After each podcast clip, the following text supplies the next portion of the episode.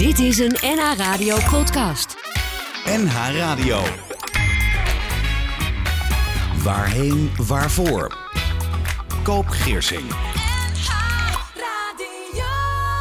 Uiteindelijk vindt verborgen verdriet wel een weg om naar buiten te komen.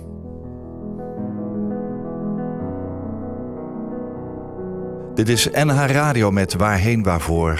Ik ben Koop Giersing. Wat fijn dat je luistert, waar dan ook. Misschien luister je live of misschien luister je wel naar de podcast. In iedere aflevering spreek ik met een gast over leven en dood, over persoonlijke ervaringen, over inspiratie, over passie in het leven. Over loslaten, verdriet en rouw. Rouw die universeel is en bij ieder verlies hoort. En ik vraag mijn gast altijd welke drie liedjes worden gespeeld tijdens jouw eigen uitvaart en waarom die. En soms is dat een lastige keus en soms ligt het lijstje al klaar. Vandaag heb ik twee gasten. Beide kregen in 2020 corona en opeens was alles anders in hun leven doordat hun gezondheid drastisch veranderde.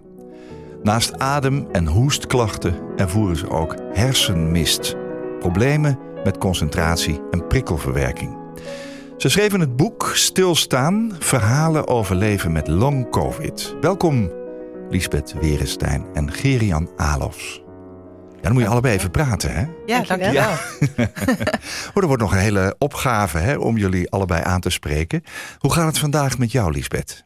Uh, nou, ik ben uh, dus uh, bij Gerian blijven slapen omdat ik wist van ja, als ik hier zo vroeg heen moet, dat wordt voor mij een hele opgave. Ja, is dat lastig? Maar ja, dat is heel lastig, want dat betekent dat ik naar autorijden, dat wordt dan ook lastig, omdat dit uur hier zijn is Ja. gewoon heel lang. Ja, het is heel en vroeg, ik hè? zie hier al allerlei eh, lampen en eh, heel veel prikkels. En dan wordt dat voor mij gewoon heel lastig. Dus ik heb bij Gerian geslapen om, en Gerian heeft gereden. Zodat ik hier dit uur kan zijn. En Ja. de rest van de dag heb ik ook echt helemaal een streep in mijn agenda.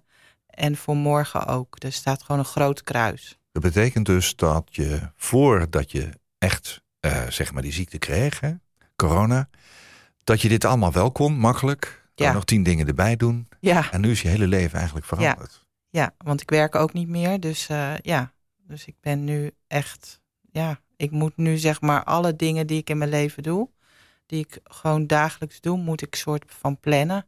Ja. Dus eh, ja, dit is dan echt het eh, grote ding voor vandaag. En dat is echt een heel groot ding. Dus Ja.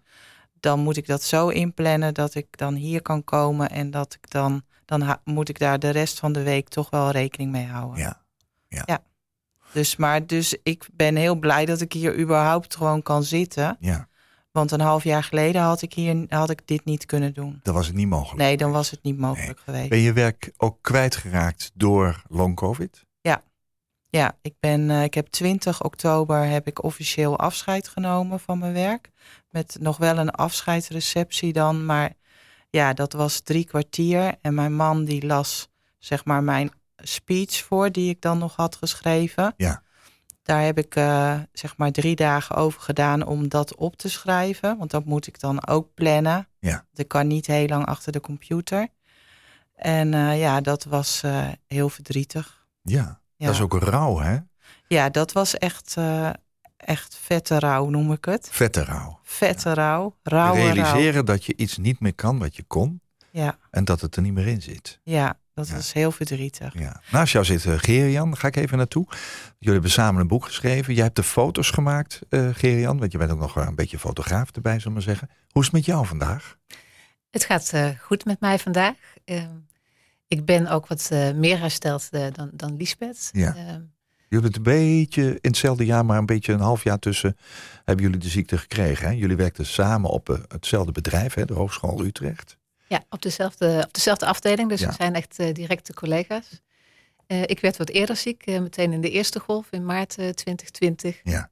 In het begin kon ik ook echt heel weinig. Dus wat, wat Lisbeth net vertelt, als ik dan met de auto ergens naartoe moest. Ik kan me nog herinneren dat ik mijn dochter op een gegeven moment naar een vriendinnetje wilde brengen. Nou, toen, dat is dan wel gelukt. En ik ben ook weer thuisgekomen. Maar ik was echt helemaal totaal echt? Ja. van slag. Ja. Ja.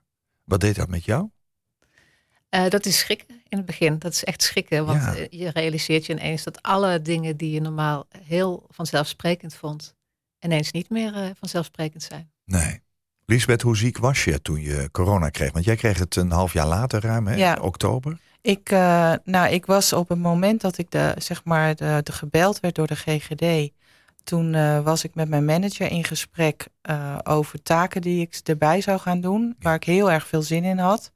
En toen werd ik gebeld dat ik corona had. En toen zei ik, ik kan me nog herinneren dat ik tegen hem zei: Nou, als dit het is, dan teken ik ervoor. Want ik had alleen maar een kuchje op dat moment. Oh ja. En de volgende dag kon ik de trap niet meer op. Eh, toen begon ik te hijgen en te doen en eh, werd ik heel erg benauwd. Kreeg ik koorts, ben ik op bed gaan liggen. Ik heb nog nooit, ben nog nooit zo ziek geweest. Dus ik had eh, enorme brandende hoofdpijn. Alsof je cayennepeper zeg maar in hebt geademd of in je neus zit. En mijn longen brandden heel erg. En ik had het gevoel dat corona overal in mijn lijf zat. Want mijn darmen deden zeer. Ik, ik kon gewoon, eigenlijk kon ik, ik kon niet eens een kop koffie zetten beneden. Ja. Eh, ik lag echt alleen maar, en mijn man die moest alles doen. Die moest, eh, nou ja, je sliep dan ook apart, want dat was, eh, was dan ook nodig. Want ja, je wil ook niet dat hij het krijgt. Nee.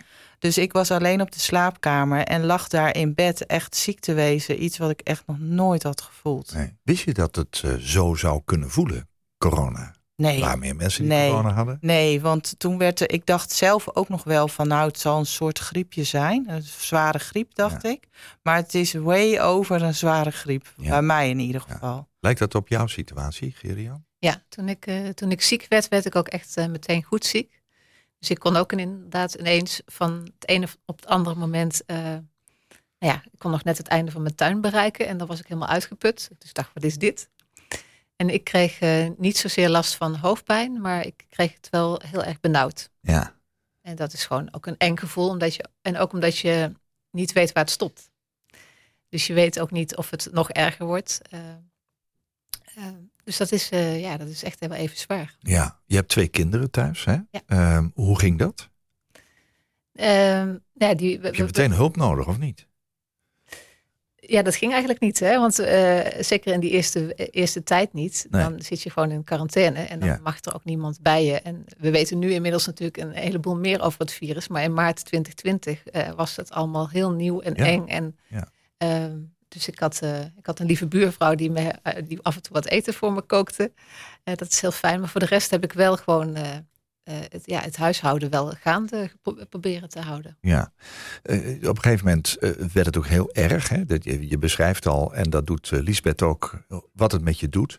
Maar om je heen zie je natuurlijk dat mensen op de IC terechtkomen. Je hoort van mensen die overlijden. Wa- Wat deed dat met jou? Het gaf mij eh, eh, vooral het gevoel van, ehm, ik moet niet in het ziekenhuis terechtkomen.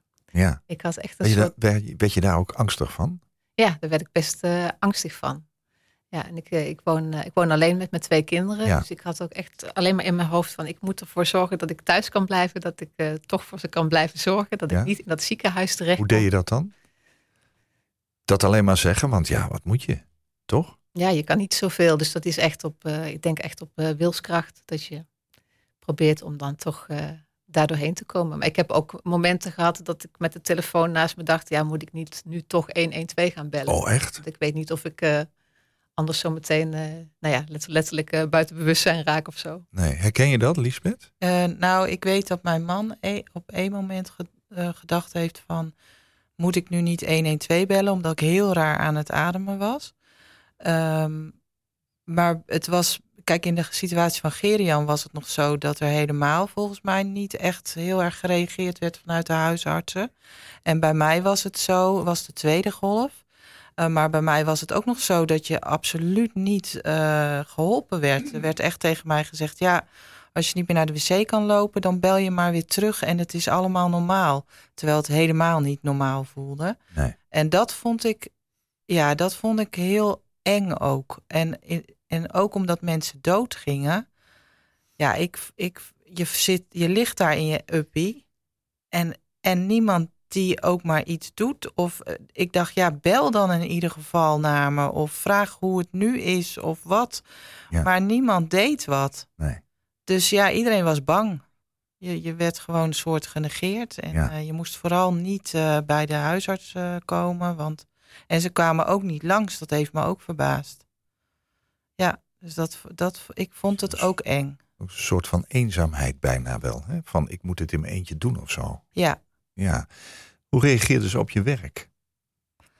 Eh, nou ja, ik had dus mijn manager aan de telefoon toen ik corona had. Ja. Dus we hadden gelijk contact van, nou ja, ik heb corona en het lijkt allemaal mee te vallen. even niet. Ik heb alleen even een kuchje, maar Ja. goed, toen, eh we hebben wel app-contact, dus ik appte de volgende dag wel van, nou, ehm, laten we maar even afwachten. Want ik weet niet of dit goed eh, gaat. Nee. En toen maandag heb ik al gezegd van, nou, dit is echt niet goed. En eh, ja, toen ben ik gelijk ziek gemeld. ja. Dus Ja. eh, Heb jij het ook zo gedaan? En heb je het idee gehad dat men begreep wat je voelde? Nou, ik heb in eerste instantie eh, dacht ik ook van, eh, ik meld me even voor een halve week ziek en dan ga ik weer gewoon vrolijk aan het werk. Tuurlijk, ja, nog, zeker. Ja. lessen geven aan studenten. En dan, eh, dan lukt dat dus helemaal niet. Eh, dus dat, eh, dat, nou, na een week of zo heb ik me ook eh, ziek gemeld. ja. En eh, nou ja, de- mijn manager heeft wel al die tijd ehm, eh, eh, begripvol gereageerd. Dus er, er is nooit moeilijk gedaan over het feit dat ik me ziek meldde of dat ik even uit de running was. Dus dat was wel op zich een prettige reactie. Maar het ging heel lang duren. Hè? Ja, veel, veel langer dan, dan je ooit van tevoren had gedacht. Bleef dat begrip? Ja, dat is wel eh, eh, gebleven. Bij jou ook, Liesbeth? ja, ik heb, we hebben dezelfde manager. Nou ja, dat Ja. begrijp ik. Daar kun je als één adem spreken. Hè? Ja, Ja. nee, ik moet zeggen dat dat heel fijn was. Dat, eh, dat mijn manager ook eigenlijk al bij voorbaat tegen mij zei van... joh, ga er niet van uit dat je heel snel hers- herstelt. Want hij had natuurlijk het hele traject met Gerian gezien. Ja. En wij kenden elkaar niet heel goed of zo. Eh, en toen zijn wij zeg maar, toen zei hij, joh, bel Gerian eens. Want die heeft het ook al helemaal meegemaakt. Nou ja, dat heb ik gedaan. En, dat, en ik moet zeggen, eh, niemand begreep eigenlijk in onze omgeving wat het betekende om long covid te hebben. Nee. En toen- Bestond de term al? Nee, die bestond toen denk ik Nee. nog niet eens. En toen weet ik nog dat ik Gerian aan de telefoon had. En dat het zo'n verademing was om, om gewoon iemand aan de telefoon te hebben die begreep Lotgenoot. wat het was. Ja. En want ik kan me nog herinneren dat, ehm, zeg maar, nou, een maand of zo, of twee maanden nadat ik dus die eh, echt ziek was geweest, dat mijn man op een gegeven moment uitriep aan tafel: Ik snap helemaal niks van jou. Die snapte echt, die snapte ook gewoon niet wat er gebeurde. Hij zegt van ja, het ene moment dan kan jij, eh, dan, dan kan je wat. En het andere moment stort je weer helemaal in. En ik Ja. kon bijvoorbeeld ook niet. ehm, ik weet nog dat ik, eh, dat ik dan probeerde te koken. En dan ging ik 's ochtends de aardappeltjes schillen. En smiddags de groenten schoonmaken. En dan stond dat al klaar. En dan kon ik dat aanzetten. En dan moest er nog een vleesje gebakken worden. Oh ja. Nou, en toen kwam mijn man met een ander vleesje dan, dan ik had gepland op de een of andere manier. En toen was het hele schema voor- in mijn hoofd Oh in ja. de war. En toen weet ik dat ik helemaal, helemaal in paniek raakte en zei: Ik kan het niet, ik kan het niet. En ik moest ook gewoon echt huilen van paniek. En dat ik ook voelde, ik- hij zei, maar wat gebeurt er dan? Wat gebeurt er dan? Ik snap het niet. Nee. Ik zeg, er komt kortsluiting in mijn hoofd. Nou, en dat is gewoon heel bizar. Als, Ja. je, als, als je gewoon een leven hebt gehad. Ik bedoel, ik gaf les. Dan doe je wel tig dingen tegelijk. Kun je niet meer. En, en dat ging gewoon niet meer. Ik Nee. kon één ding tegelijk. En soms was dat zelfs te veel. Gerian, kun je nog herinneren dat gesprek met Liesbeth aan de telefoon? Niet meer zo specifiek, denk ik, als, als, als, eh, als Liesbeth. Ehm, maar het, het was ook voor mij eh, wel heel fijn om met iemand eh, te kunnen praten die, eh, ja, die dezelfde situatie ervaart. En Ja. Ik was toen eh, dus al een half jaar op pad met long covid. Ja, je had wel ervaring. Ik had toen al wat ervaring en Ja. het ging toen he- heel langzaam iets beter met mij. Dus ik weet wel eh, dat ik eh eh, Liesbeth wel de hele tijd heb voorgehouden van, nou, dit gaat een tijdje duren, maar dan Ja. kom je wel weer verder. En ja, uiteindelijk is ons herstelproces dus helemaal niet hetzelfde gelopen. En dat is natuurlijk eigenlijk ook heel logisch. En dat zie je nu ook overal met long-covid-patiënten. De een wordt wel beter, de ander wordt afgekeurd en kan Ja. bijna niks meer. Nee. Dus er zijn hele grote verschillen tussen. Eh, en, ehm, maar goed, dat, dat wisten we op dat moment nog niet. Dus achteraf voelde ik me soms wel een beetje schuldig. Dat ik dacht, Snap nou, dan heb ik je allemaal moed zitten inpraten. Maar misschien was dat helemaal niet terecht. Want Nee. ja, soms word je dus ook niet beter hiervan. Nee, dat snap ik. Mijn gasten in deze aflevering van Waarheen Waarvoor zijn Gerian Alofs en Liesbeth Werenstein. Beide zijn docent, Liesbeth niet meer, social work op de Hogeschool Utrecht. Beide werden in 2020 ziek na een COVID-19-besmetting en opeens werd alles anders in hun leven. De impact die dit heeft op hun dagelijks leven, op hun relaties en op hun werk is enorm. Hun ervaringen over leven met long covid staan in het boek Stilstaan, verhalen met long covid. Lisbeth schreef 16 korte verhalen en Gerian heeft haar verhaal vastgelegd op camera. Lisbeth, jij hebt het in je boek, en daar gaan we het zo meteen eens even over hebben, op een gegeven moment over onzichtbaar ziek zijn. Ja, Wat, wat, wat bedoel je daarmee? Hoe ga je daarmee om? nou, ehm, wat ik merkte was dat ehm, mensen tegen mij zeiden, als ze mij zagen, wat zie je er goed uit? En eh, ik denk dat ze verwachten of zo dat ik, er, ja, dat ik half dood op de bank lag. Maar ja, je, dat, wa, dat, zo was het ook niet. Nee. Eh, toen ik zeg maar een half jaar verder was, eh, had ik nog steeds heel erg last van eh, die overprikkeling. En kon ik heel slecht. Nou ja, ik leg het altijd uit als van je hebt een batterij. En die batterij die was, die begon 's ochtends vroeg al eigenlijk half, nou nog niet een kwart opgeladen. En zo begon ik de dag. Dus ik was na een uurtje.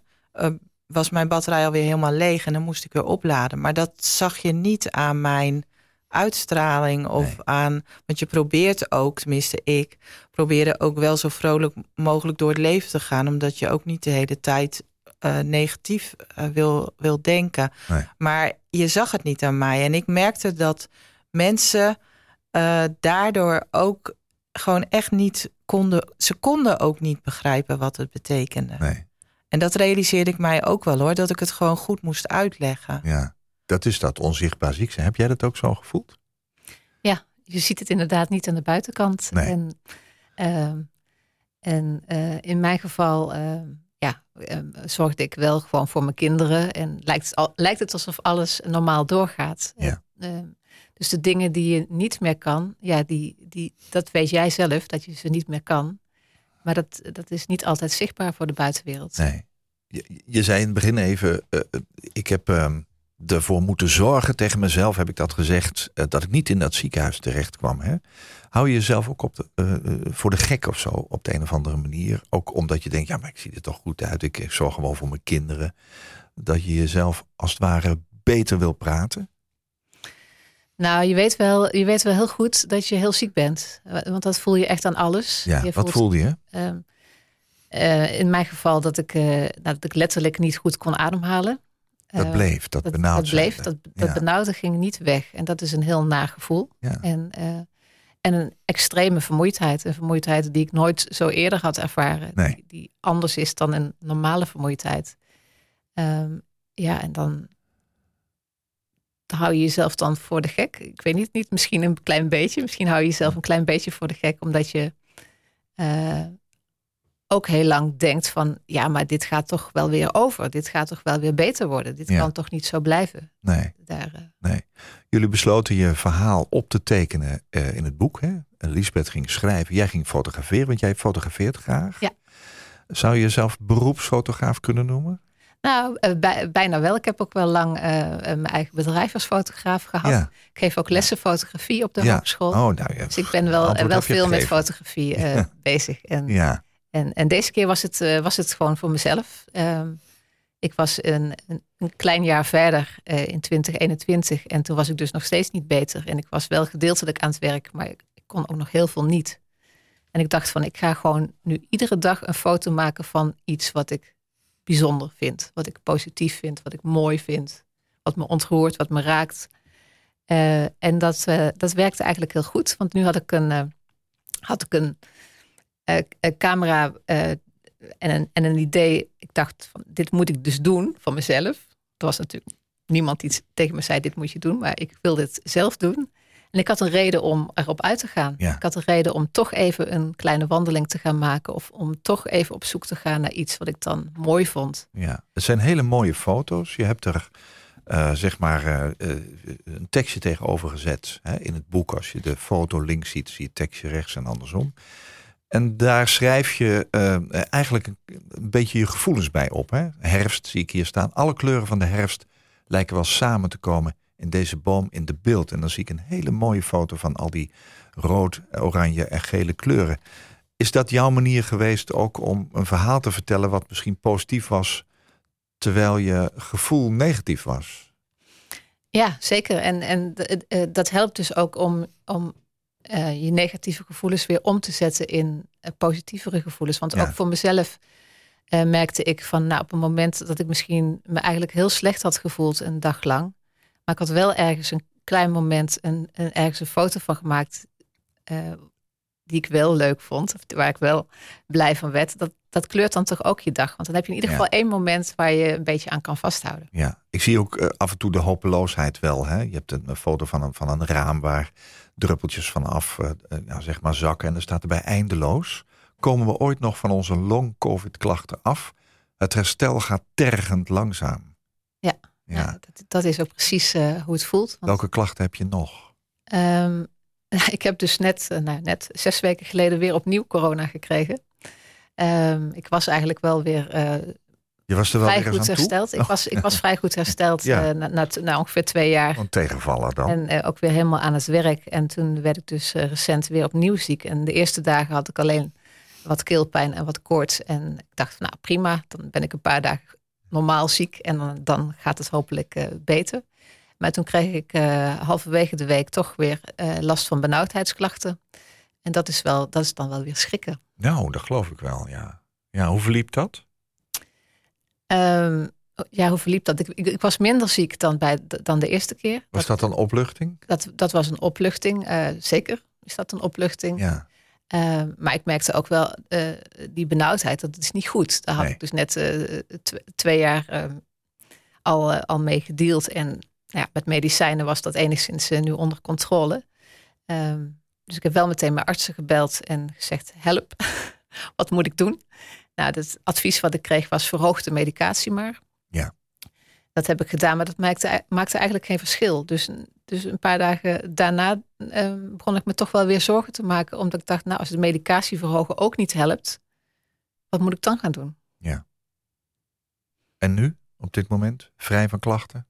Niet vrij van klachten, zeker nog niet. Maar ehm, ik ben met een nieuwe behandeling begonnen. Eh, het is, die heet flow-ventilatie bij het eh Long-expertisecentrum in de Meren. Ja. En eh, ja, dat werkt eh, wonderbaarlijk goed tot nu toe. Oh, dus ehm, ja, ik ben nu voorzichtig eh, optimistisch eh, dat, het, eh, ja, zeker. dat ik sneller eh, zal herstellen. Wel een positief signaal in ieder geval. Zeker. Ja. Lisbeth, het boek hè, ehm, wat jullie geschreven hebben, Stilstaan, verhalen overleven met long covid. We ja, je hoorde net eh, natuurlijk dat uh, Gerian vertelt, ik, ik vertel mijn verhalen met beelden. Jij bent gaan schrijven. Schreef jij al zelf dagboekjes of zo? Of, of, eh, Nou, ik, ik heb heel veel inderdaad geschreven in mijn Ja. leven. Ik, als klein meisje al heb ik dagboeken volgeschreven. En die verhalen die daarin staan zijn eigenlijk begonnen voor mezelf. Dus het was helemaal niet het idee we van... gaan een boek schrijven. ik ga een boek schrijven Nee. of zo. Uh, maar ik ben die verhaaltjes toen, omdat ik het wel een leuk verhaal... Het eerste verhaaltje vond ik dan wel, dacht ik... nou, het is misschien wel goed om dat te delen. Ja. En toen heb ik een aantal mensen heb ik dat opgestuurd, waaronder Gerian ook. Uh, en mensen van mijn werk en familieleden. En uh, daar kreeg ik eigenlijk hele positieve reacties op. Ja. Um, een collega van mij die zei al van... Lies, je moet hiermee doorgaan. Uh, schrijf het op, wat, wat er gebeurt. En uh, Gerian die kwam na vijf verhaaltjes van... Uh, we moeten hier iets mee. We Ja. gaan een boek schrijven. En die heeft mij eigenlijk overgehaald om dat te doen. En ja, dus het was eigenlijk helemaal niet de intentie. Nee. Maar die verhalen hielpen mij heel erg om... Ja, het, het hielp mij gewoon om iets kwijt te raken. Om ermee te dealen, zeg maar. Ja. Dus dat vond ik heel fijn. En toen ik merkte dat er ook heel veel begrip kwam van mensen... door het te lezen. Ja. Want mensen vragen wel eens aan mij... ja, snappen mensen het? Nou, mensen die mijn verhaaltjes hebben gelezen, die snappen mij heel goed. En ik heb daardoor ook gewoon ontzettende grote groep mensen om me heen die heel goed snapt waar, waar ik sta. Ja. Zijn er meer boeken over geschreven eigenlijk, over dit onderwerp? Zijn jullie daarachter gekomen? Jawel, er zijn wel meer uh, ervaringsverhalen volgens mij. Maar ik heb nog niet... Uh, dit, dit is echt ja, hoe, hoe wij het echt ervaren. Ja. En er zit heel veel emotie ook in. Ja. ja. Um, en het zijn korte, krachtige, ja, ik noem het hartverhaaltjes, omdat ze echt vanuit mijn hart geschreven zijn. Ja. Uh, die heb ik niet gezien. Nee. nee. Nee. Wel meer tips van hoe je ermee om moet gaan. Ja. We gaan zo verder over het boek. Ik heb jullie gevraagd om drie liedjes mee te nemen vandaag naar de studio. Dat is lastig met twee gasten, want dan zou je zes liedjes uh, krijgen en dan zijn jullie weinig aan het woord. Dus ik zei, nou probeer het zo te doen dat je er samen uitkomt. Uh, hebben jullie dat nog overlegd? Hoe is dat gegaan, dat proces, Gerian? Ja, dat ging eigenlijk heel gemakkelijk. Ja? We hebben gezegd, uh, we mogen allebei een eigen nummer uitkiezen. En eentje, eentje daar gaan we dan wel even over praten samen. Ja. En uh, nou ja, dat, uh, dat gezamenlijke nummer, uh, dat stelde Lisbeth eigenlijk voor. En daar was ik het eigenlijk meteen mee eens, want het Mooi. is ook een prachtig nummer. Ja, dan gaan we eerst naar Joep van het Hek. Wiens keus was dat? Ja, die ja. van mij. Waarom? Nou ja, ik, dat is volgens mij uit de oudejaarsconferentie van al in 1981 volgens mij, of Mhm. 89, dat weet ik niet zeker. Maar ik was in ieder geval vrij jong.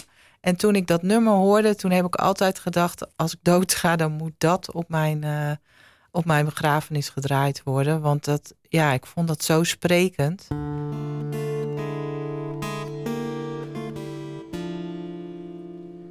Want vannacht, in mijn slaap, word ik plots overvallen... Straks komt die auto en die rijdt mij kapot. Wanneer zal de dood zijn fiets bij mij stallen? Wat zal mijn clue zijn? Hoe is mijn plot? Misschien zegt een dokter, meneer nog twee maanden. En word ik door een slepende ziekte gesloopt. Men zegt dat het beter is voor nabestaan. Maar twee maanden pijn is toch niet wat je hoopt. Deze dag is de eerste van de rest van mijn leven. Dat denken er velen bij hun ontbijt. Terwijl ik altijd denk, ik heb nog maar even. Dit wordt de laatste van een prachtige tijd. Dus moeten we dansen moeten we vrij, moeten we lachen en drinken vol vuur. Lief, hou me vast, want nu ben ik nog bij je.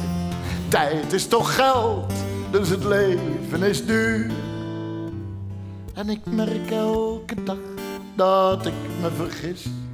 En dat er dan nog een dag over is. Jij mag niet doodgaan en ik wil niet sterven. Laat staan onze liefste. Denk niet aan ons kind. Zijn dood zal ons leven voor altijd bederven. Terwijl hij misschien een hemel daar vindt.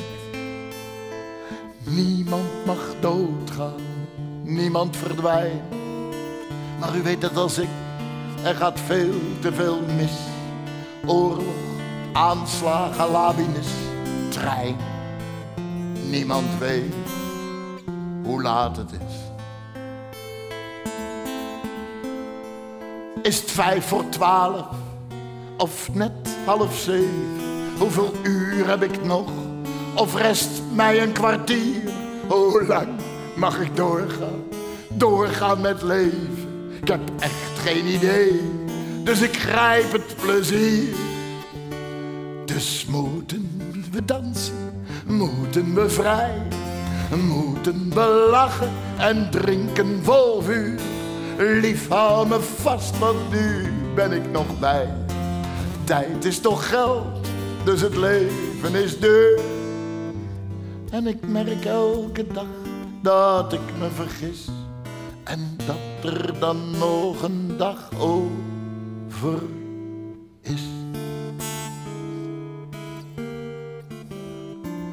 Ik weet als ik later groot ben en ook bijna dood ben, dan is al die angst niet nodig geweest, maar altijd de angst, altijd die angst maakte mijn leven tot een schitterend feest.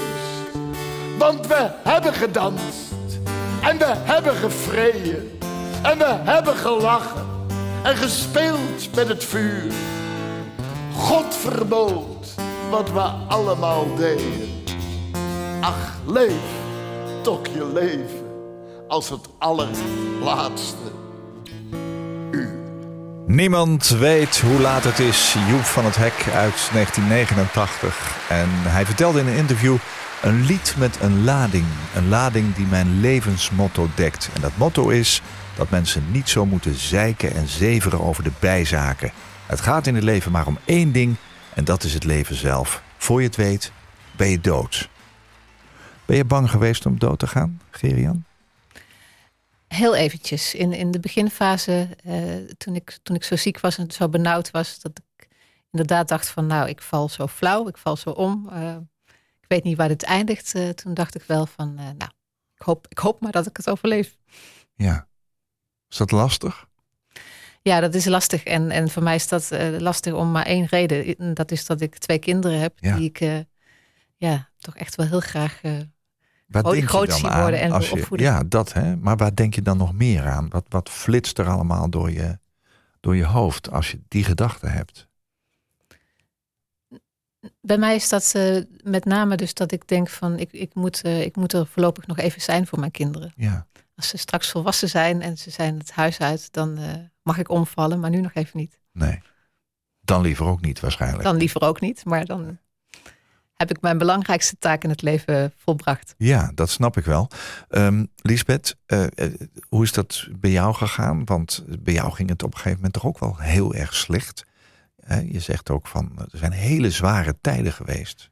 Ja, ik heb niet zozeer tijdens mijn ziekte eh, gedacht van ik ga dood. Dat is wel even door mijn hoofd gegaan hoor, omdat er zoveel mensen overleden. Dus die angst was er wel. Ja, Maar ik geloof dat ik te ziek was om daarover na te denken op dat moment. Ik heb wel later gehad dat ik, omdat ik eh, zo weinig kon, eh, dat ik echt dacht van ja, wat voor nut heeft mijn leven nog? Wat, wat doe ik hier eigenlijk überhaupt? En dat vond ik wel zwaar. dat klinkt ook heel depressief eerlijk gezegd. Nou, ja, mensen noemen het vaak depressief. Dat is het niet. Het is eigenlijk gewoon heel erg rauw. Heel erg van ehm, mijn plaats bepalen. eh, ja, in de situatie waarin ik zat. Dus ik kon helemaal niks. Ik kon er niet zijn voor mijn man. Ik kon, mijn kinderen zijn al wel volwassen. Eh, maar ja, toch studeren ze nog. Dus dan zie ik niet helemaal als volwassen. Ehm, ja, dus ik had wel zoiets. Ik kon, niet, ik kon niks meer van wat ik, van wie ik was daarvoor. Nee. Dus ik kon geen les meer geven. Ik, ik had echt het gevoel, er moet alleen maar voor mij gezorgd worden. Wat kan ik nog betekenen? Ja, En dat, en dan, toen gingen er wel gedachten door me heen van, ja, wat heeft het eigenlijk voor nut? Ja, en dat vond ik wel, ja, dat, vond, dat was heel zwaar. ja. En Wanneer ging voor jou het licht weer schijnen, Gerian? Wanneer dacht je, goh, het gaat beter? Nou, dat heb ik wel, eh, wel duizend keer gedacht. Het gaat beter. Want er zijn ook altijd momenten dat je je dan weer net even iets beter voelt. Ja, ja. Alleen het vervelende met long covid is dat je dan net zo vaak ook weer een stap achteruit zet. ja. En het weer slechter gaat. En, dat, en juist die momenten zijn dan eigenlijk het zwaarst. Omdat je dan denkt dat je op een pad vooruit Ja. bent.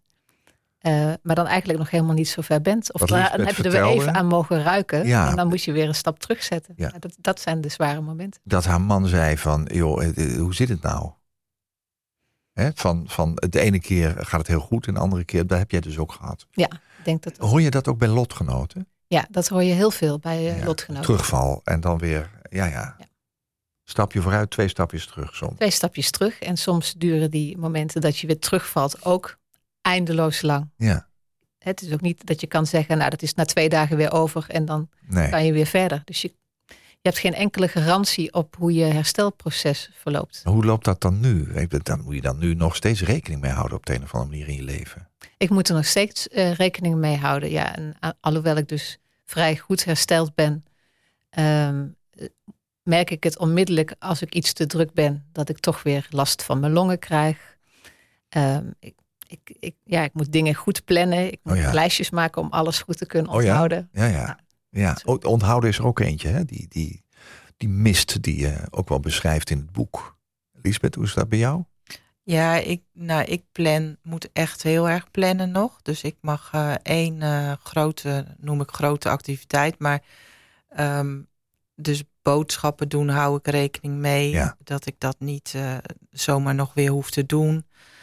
Ehm, ik ben even de vraag kwijt. Nou, dit is dus een beetje... Ik Lij- begin nu de na- lijstjes bijhouden, eh, vergeten, die, die ja, precies. Ehm, nou ja, maar ook, in de, ook wel eens dat ik... Nou, nu begin ik dus... Ik ben hier nu drie kwartier in de studio. Ja, Ik merk dus nu dat ik een soort begin af te haken snap ik. in mijn hoofd. Ja, En, de, en nu dan hoor ik de vraag wel. Ik was net was ik heel helder in mijn hoofd. En nu merk ik dat het me moeilijker voor me wordt om eh, de draad vast te houden. Dan Ja. ben ik nu dus je vraag weer vergeten. ja. Nou, dat is helemaal niet erg. Eh, ik vergeet ook soms dingen. Ja. Eh, maar als, hou jij lijstjes bij zelf? Schrijf, Ah, ja, schrijf je ook hou- wat je doen ja, moet? Zodat ik- je... Ik, heb, ik maak elke ochtend, ik heb zo'n zo'n een agenda. En dan denk ik erover na van oké, wat wil ik allemaal doen? Want Ja. ik wil heel veel Ja. doen.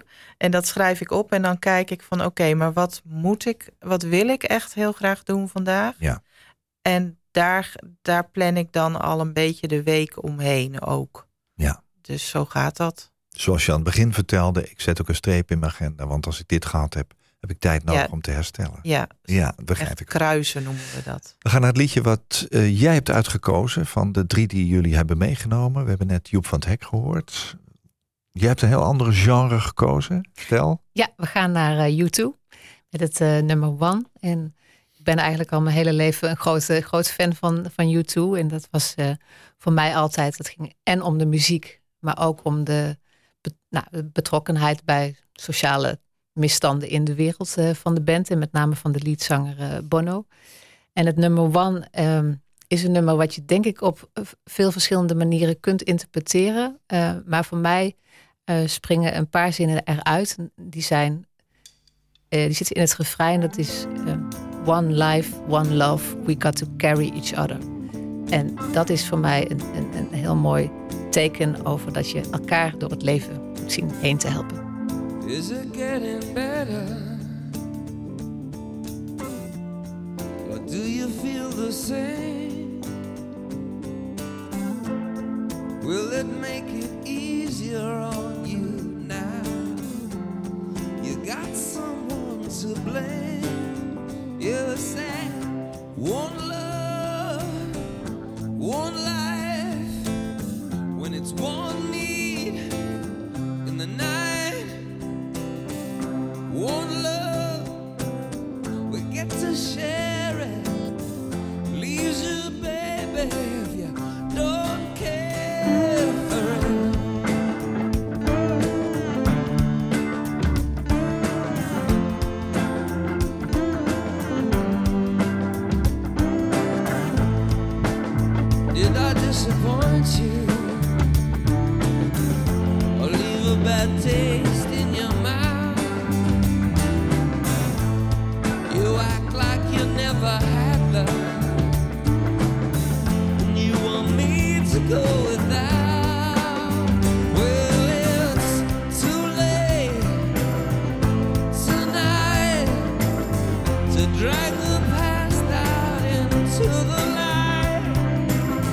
We're one,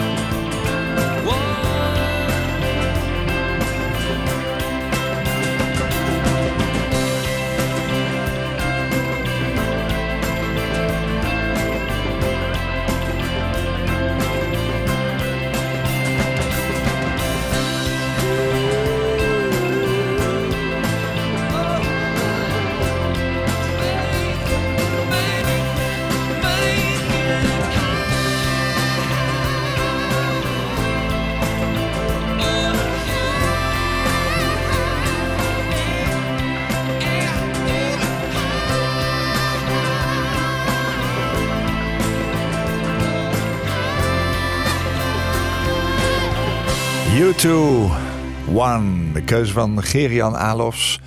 Wat een fantastische plaat, ook fijn. Ik vind hem ook heel kerstig, eerlijk gezegd. Ja, hij Mag past ik dat zo zeggen? eh, in december, toch? Ja, zeker. Lisbeth Werenstein is hier te gast. Gerian Alofs. Zij schreef in het boek Stilstaan. Verhalen over leven met long covid. Ik begin begrip te krijgen voor wat jullie vertellen. Want eh, trek jij het nog, Lisbeth? Nou, nu is het wel echt, gaat het licht wel een beetje uit. Ja, ik Ja. zie het. Hè? Je Ja. moest even lopen. Eh, ja, Dit vraagt heel veel van jouw concentratie. ja. Ja, Ja, en, dan, en dat is dus ook dat onzichtbaar ziek. ja. Je zie, als je mij zo binnen ziet komen, dan zie je niks. Maar nu denk ik dat je het wel ik vond je beetje- zelfs heel energiek. Ja, En, eh, precies. Dat ben ik dan ook ja, even. dat is dat onzichtbare. Ja, en dan nu eh, na, na 50 minuten is het klaar. Doe rustig aan. Eh, de uitzending duurt nog een kleine acht minuten. Dus Ja, ik eh, zie het. je moet het nog even uitzitten, hè, zou ik zeggen. Gerian, ik, ik zei al, hè, jij, jij hebt eh, al die foto's gemaakt. Hè. Jouw foto's vertellen helemaal een eigen verhaal. Je legt momenten vast die je schrijf je gelukkig maken. Maar er zijn natuurlijk ook heel veel symbolische foto's. Bijvoorbeeld zonsverduistering. Dat gaat over jouw terugval. Hoe, hoe ben je aan het werk gegaan of hoe heb je uitgekozen? Want er zitten er zitten ook gewoon hele mooie, blije foto's in. Hoe heb je het verhaal willen vertellen? Ben je gaan zoeken naar ehm, een, foto met symboliek? Of hoe ging dat proces voor jou? Nou, ik had dus eh, iedere dag in 2021 eh, minimaal één foto gemaakt waar ik zelf dan tevreden over was. Maar dat waren vaak ook nog veel meer foto's dan één foto. Dus ik had een enorme verzameling foto's. Ja, En ik ben eigenlijk ehm, eh, niet meteen gaan selecteren met het idee van dit moet een heel consistent verhaal vertellen. Maar ik ben gewoon de foto's gaan zoeken die mijzelf het meeste raakten. En dat is dan op een vreemde manier eh, weer bij elkaar gekomen. ja. Ja, het boekje is waarschijnlijk ook eh, bij- allerlei lotgenoten terechtgekomen. Die toch ook eh, denken van ik herken mij hierin. Hoe zijn de reacties geweest? Ja, ik heb eh, via mensen wisten maar naar ons e-mailadres stond er ook in. Dus Ja. mensen mailden. En ja, hele her, nou, wat, wat ik terugkreeg was dat ze het heel erg herkenden. Ja, Eh, en ook een mevrouw die schreef van ja, je geeft woorden aan wat ik zelf niet kan zeggen. Eh, veel mensen die het ook aan hun partner lieten lezen. Er was een mevrouw en die had het zelfs meegenomen naar de bedrijfsarts. Eh, en stukken onderstreept, zo van dit is het, om het uit te leggen. kijk nou eens mee. hè? Ja, en dat, nou, dat was natuurlijk wel heel mooi voor ons om te, terug te krijgen. Ja, dus dat heeft je ook wel weer kracht gegeven.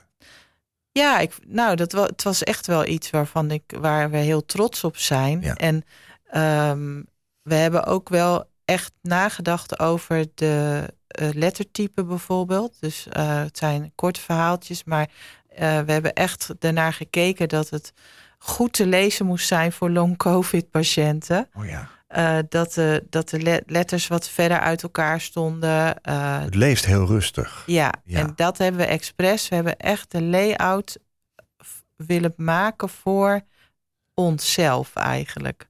Dat het zo rustig mogelijk was. En daarom zijn die foto's ook zo mooi. Want die, zijn, die geven ook weer heel veel rust in het boek. Ja. Ik vind het altijd heel prettig dat je een boek ook van achter naar voren kunt lezen. Je kunt er middenin beginnen. Je Ja. kunt zo een verhaal pakken. En als je een verhaal pakt, dan eh, grijp je ook weer eens terug naar een vorig verhaal en een volgend verhaal. Dus ik vind het ook mooi. Goed dat je dit even vertelt trouwens, want dat had ik er weer niet uitgehaald. Maar ook long-covid-patiënten moeten dit gewoon rustig Ja. goed kunnen lezen. Ja. Ik geef dit aan onze dochter, eh, Oh. die, die ook long-covid heeft, als jullie het goed vinden. Nou, Want ik denk dat dit voor haar ook heel herkenbaar is. Hoe kunnen mensen aan dit boek komen? Ze kunnen het eh, bestellen via de webshop van de Hogeschool Utrecht. En eh, nou, dan. eh, Hoe komen ze daar? Hogeschoolutrecht.nl? eh, ja, webshop.hu.nl. Webshop.hu.nl. Ja. En dan staat dit boek. Ja, dan kies je nog even voor de opleiding eh, Social Work. En dan kom je bij het eh, boek terecht. Ja, dat En begrijp ik. Als mensen dat niet kunnen vinden, dan mogen ze ook gewoon contact met ons opnemen. En Hoe doen ze dat? eh, ze kunnen een, een e-mail aan mij sturen. Girian.alofs.hu.nl Nou, kijk eens aan. Eh, ik wens heel veel eh long-covid-patiënten dit boek. Want het leest niet alleen heel prettig, maar het geeft je ook moed. Omdat Ja. er ook een beetje licht schijnt. ja, en de, ik denk dat humor is ook gewoon Ja. heel belangrijk om er ook eh, de humor een beetje in te houden. Ja. Want anders overleef je het ook niet. Dat is ook zo. Jullie derde liedje, hebben jullie samen gekozen? Hoe kwam je tot die keus? Jij stelde voor en jij zei doe maar. Zo ging het.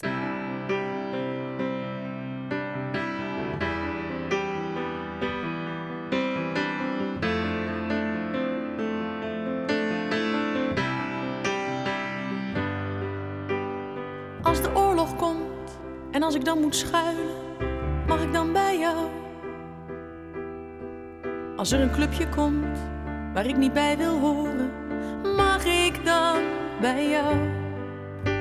Als er een regel komt waar ik niet aan voldoen kan, mag ik dan bij jou? En als ik iets moet zijn wat ik nooit geweest ben, mag ik dan bij jou? Mag ik dan bij als het nergens anders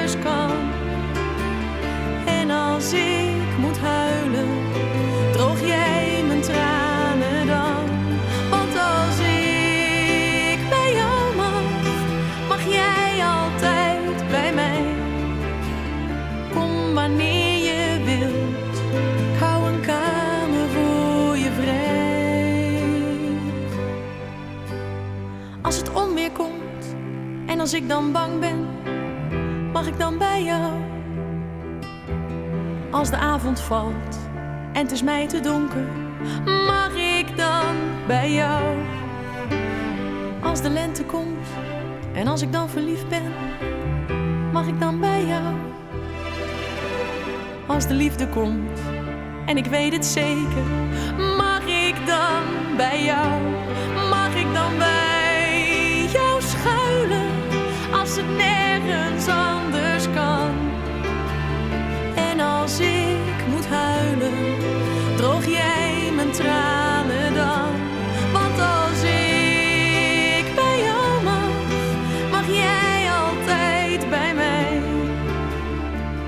Kom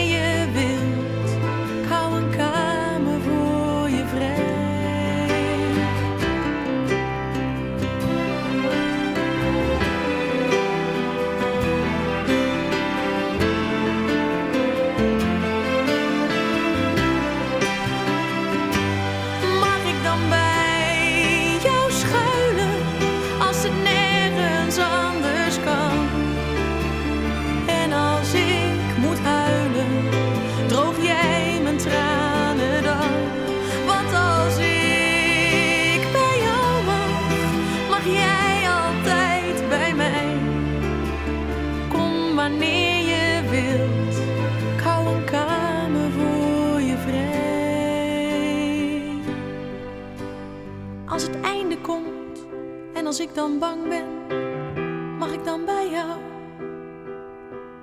Als het einde komt en als ik dan alleen ben, mag ik dan bij jou? Claudia de Brij, mag ik dan bij jou? Wat was ook alweer de keus, Lisbeth, voor dit lied? Eh, nou, eigenlijk omdat het ook, eh, wat Gerian ook al in haar nummer noemde van samen, dat je elkaar nodig hebt. ja. En dat is wat we echt wel merken. Je hebt elkaar gewoon zo hard nodig. Ja. Ook als lotgenoten. Om, ja, dat geeft zoveel steun. Ja. Jullie zijn samen hier naartoe gekomen. Daar bedank ik je voor. Mijn gasten in deze aflevering van Waarheen Waarvoor... Gerian Alofs en Liesbeth Werenstein. Samen waren ze docent social work op de Hogeschool Utrecht. Gerian is dat nog, Liesbeth is dat niet meer. Beiden werden in 2020 ziek na een COVID-19-besmetting. En ze hebben hun ervaringen over leven met long-COVID vastgelegd in het boek Stilstaan, verhalen met long-COVID. Liesbeth schreef, Gerian fotografeerde. Uh, Gerian, Liesbeth, dank voor jullie komst naar de studio. Ook al kost je dit nog zoveel moeite. Fijn dat je je verhaal gedeeld hebt. En ik wens jullie beiden alle goeds toe. Dankjewel. Dankjewel. Koop Geersing. Als jij een keer te gast wilt zijn in Waarheen Waarvoor om te vertellen over jouw levensreis, laat me dat dan weten via waarheenwaarvoor.nhradio.nl. Waarheenwaarvoor.nhradio.nl. Dit was een NH Radio podcast. Voor meer, ga naar nhradio.nl. Radio.